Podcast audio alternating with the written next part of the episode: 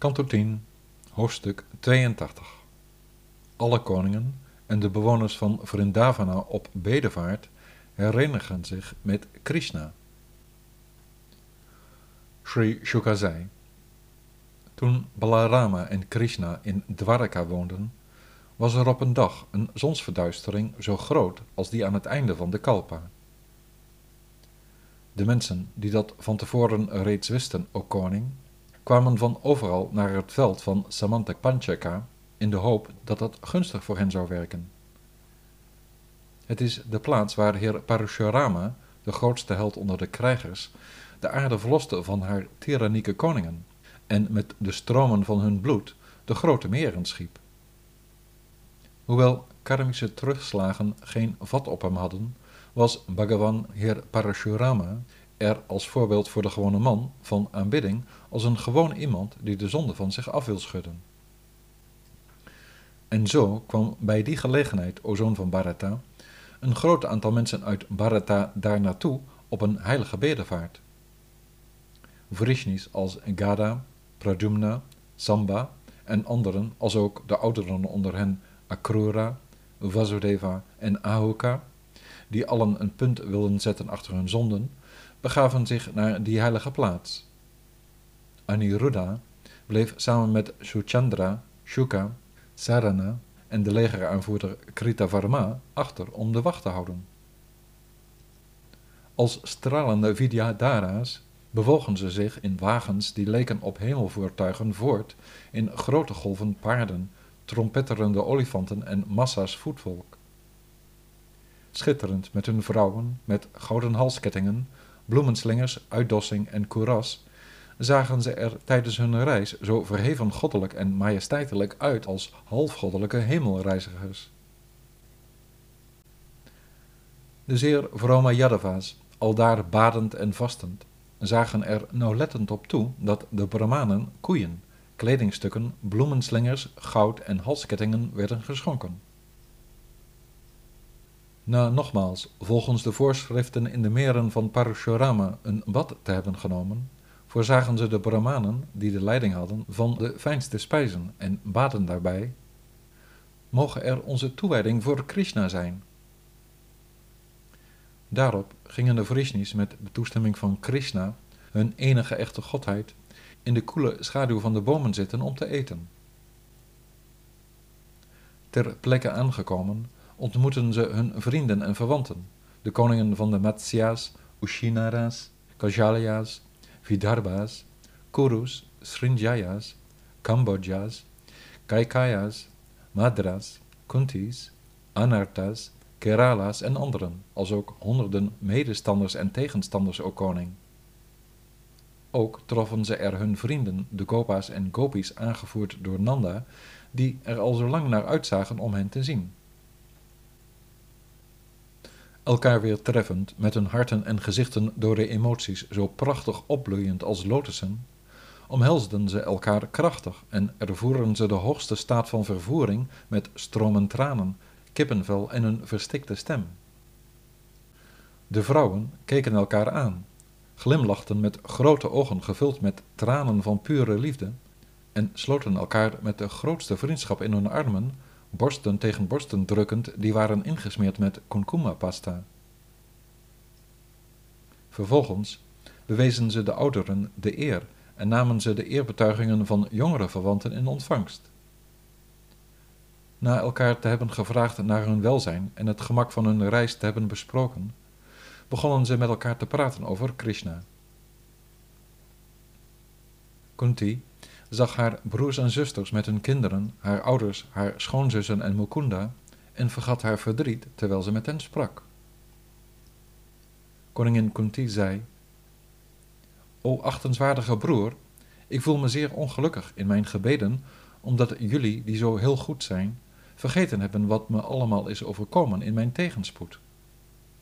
Vrienden, verwanten, zoons, broers en zelfs ouders vergeten makkelijk degene onder hen die door tegenslagen wordt getroffen.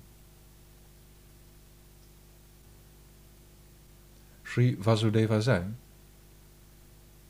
Mijn beste zus, wees niet boos op ons, de mens is een speelbal van het lot. of iemand nu op eigen houtje bezig is of handelt in opdracht, hij valt altijd onder het gezag van de Heer. Zwaar belaagd door Kamsa hebben we ons in alle richtingen verspreid. Pas nu keerden we bij goddelijke voorbeschikking terug naar onze plaatsen, mijn zuster. Sri Shuka zei. Al de koningen die daar geëerd werden door Vasudeva, Ugrasena en de andere Yadava's, vonden vrede in het opperste geluk Achyuta te zien. Bhishma, Drona, de zoon van Ambika, Gandhari met haar zoons, als ook de Pandava's en hun echtgenotes, Kunti, Sanjaya, Vidura en Kripa, Kunti Bhoja, Virata, Bhishmaka, de grote Nagnajit, Purujit, Drupada, Shaya, Drishtaketu en de koning van Kashi, Damagosha, Vishalaksha, de koningen van Maithila, Madra en Kekaya, Yudamanyu, Susharma, Balika en anderen met hun zoons, als ook, o beste der koningen, vele andere koningen, resorterend onder Yudhishthira, waren allen vol van verwondering om de persoonlijke gedaante van Shauri, Krishna, het verblijf van Shri, daar samen met zijn vrouwen te zien. Na van zowel Balarama als Krishna, zoals het hoort, de eerbewijzen in ontvangst te hebben genomen, prezen de koningen op hun beurt, vervuld van vreugde, enthousiast de Vrishnis, de persoonlijke metgezellen van Krishna. O meester van de Bhoja's, u hebt voor een lovenswaardige geboorte gekozen onder de mensen in deze wereld, daar u Krishna steeds ziet, hij die zelfs door de yogis maar zelden wordt gezien. Zijn faam, zoals geprezen in de Veda's, het water dat van zijn voeten afspoelt, en de woorden van de geopenbaarde geschriften, zuiveren dit universum grondig. Ondanks dat haar wilde door de tijd werd verwoest, is de vitaliteit van de aarde ontwaakt door de aanraking van zijn lotusvoeten en vervult ze al onze verlangens als een overvloedige regen. Door hem in eigen persoon te zien, door hem aan te raken en met hem rond te lopen, te converseren, neer te liggen, te zitten en te eten, door via een huwelijk met hem verbonden te zijn en hem als bloedverwant te hebben, hebt u, die normaal gesproken het helse pad van het gezinsleven bewandelt, nu Vishnu gevonden, de hemel en bevrijding in eigen persoon, die het einde vormt van iemand zoeken.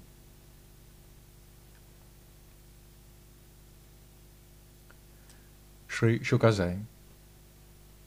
Toen Nanda erachter kwam dat de Yadus onder leiding van Krishna daar waren aangekomen, ging hij erop uit om hem te ontmoeten, vergezeld door de Gopa's met hun bezittingen op hun wagens.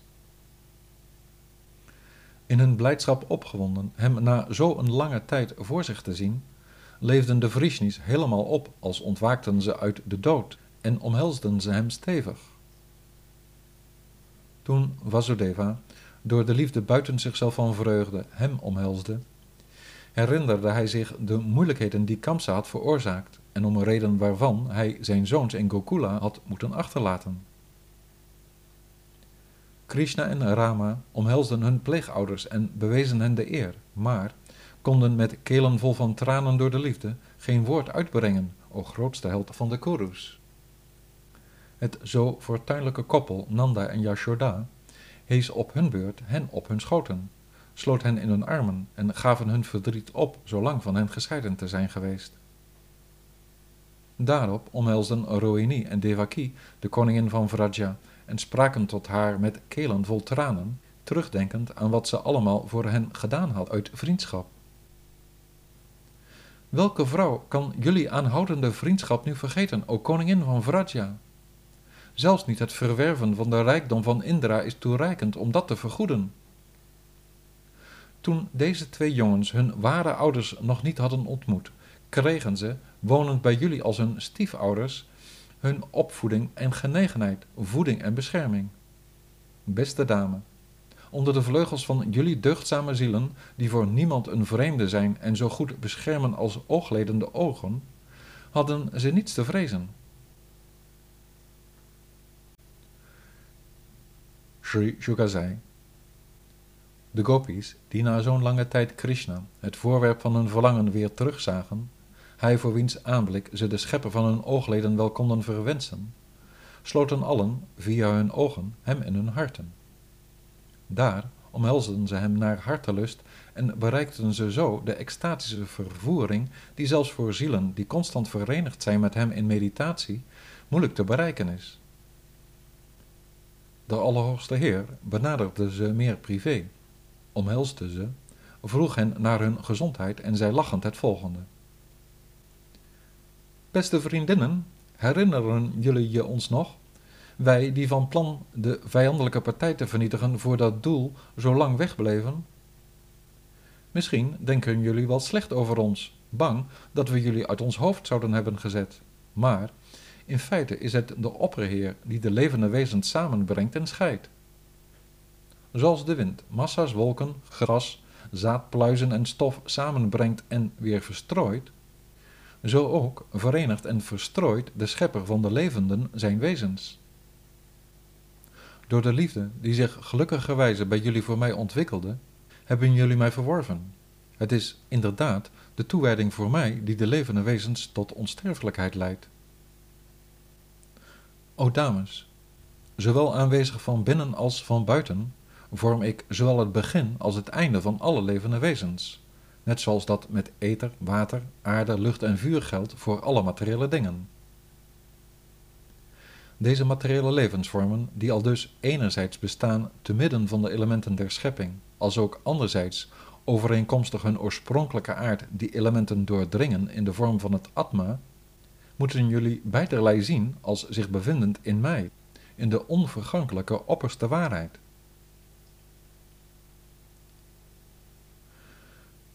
Sri de gopis, al dus onderricht door Krishna's instructie over het Atma, overwonnen hun materiële zelf door steeds op hem te mediteren en raakten zo vervuld van hem. Ze zeiden, met dat wat je zei, o Heer, met de lotusnavel, wensen we dat onze geesten, hoezeer ook in beslag genomen door het huishouden, immer waakzaam zijn aan jouw lotusvoeten, de voeten die de grote yogis en hooggeleerde filosofen in gedachten houden voor hun meditaties, aangezien ze voor hen die belanden in de duistere put van een materieel bestaan, de enige toevlucht ter bevrijding vormen.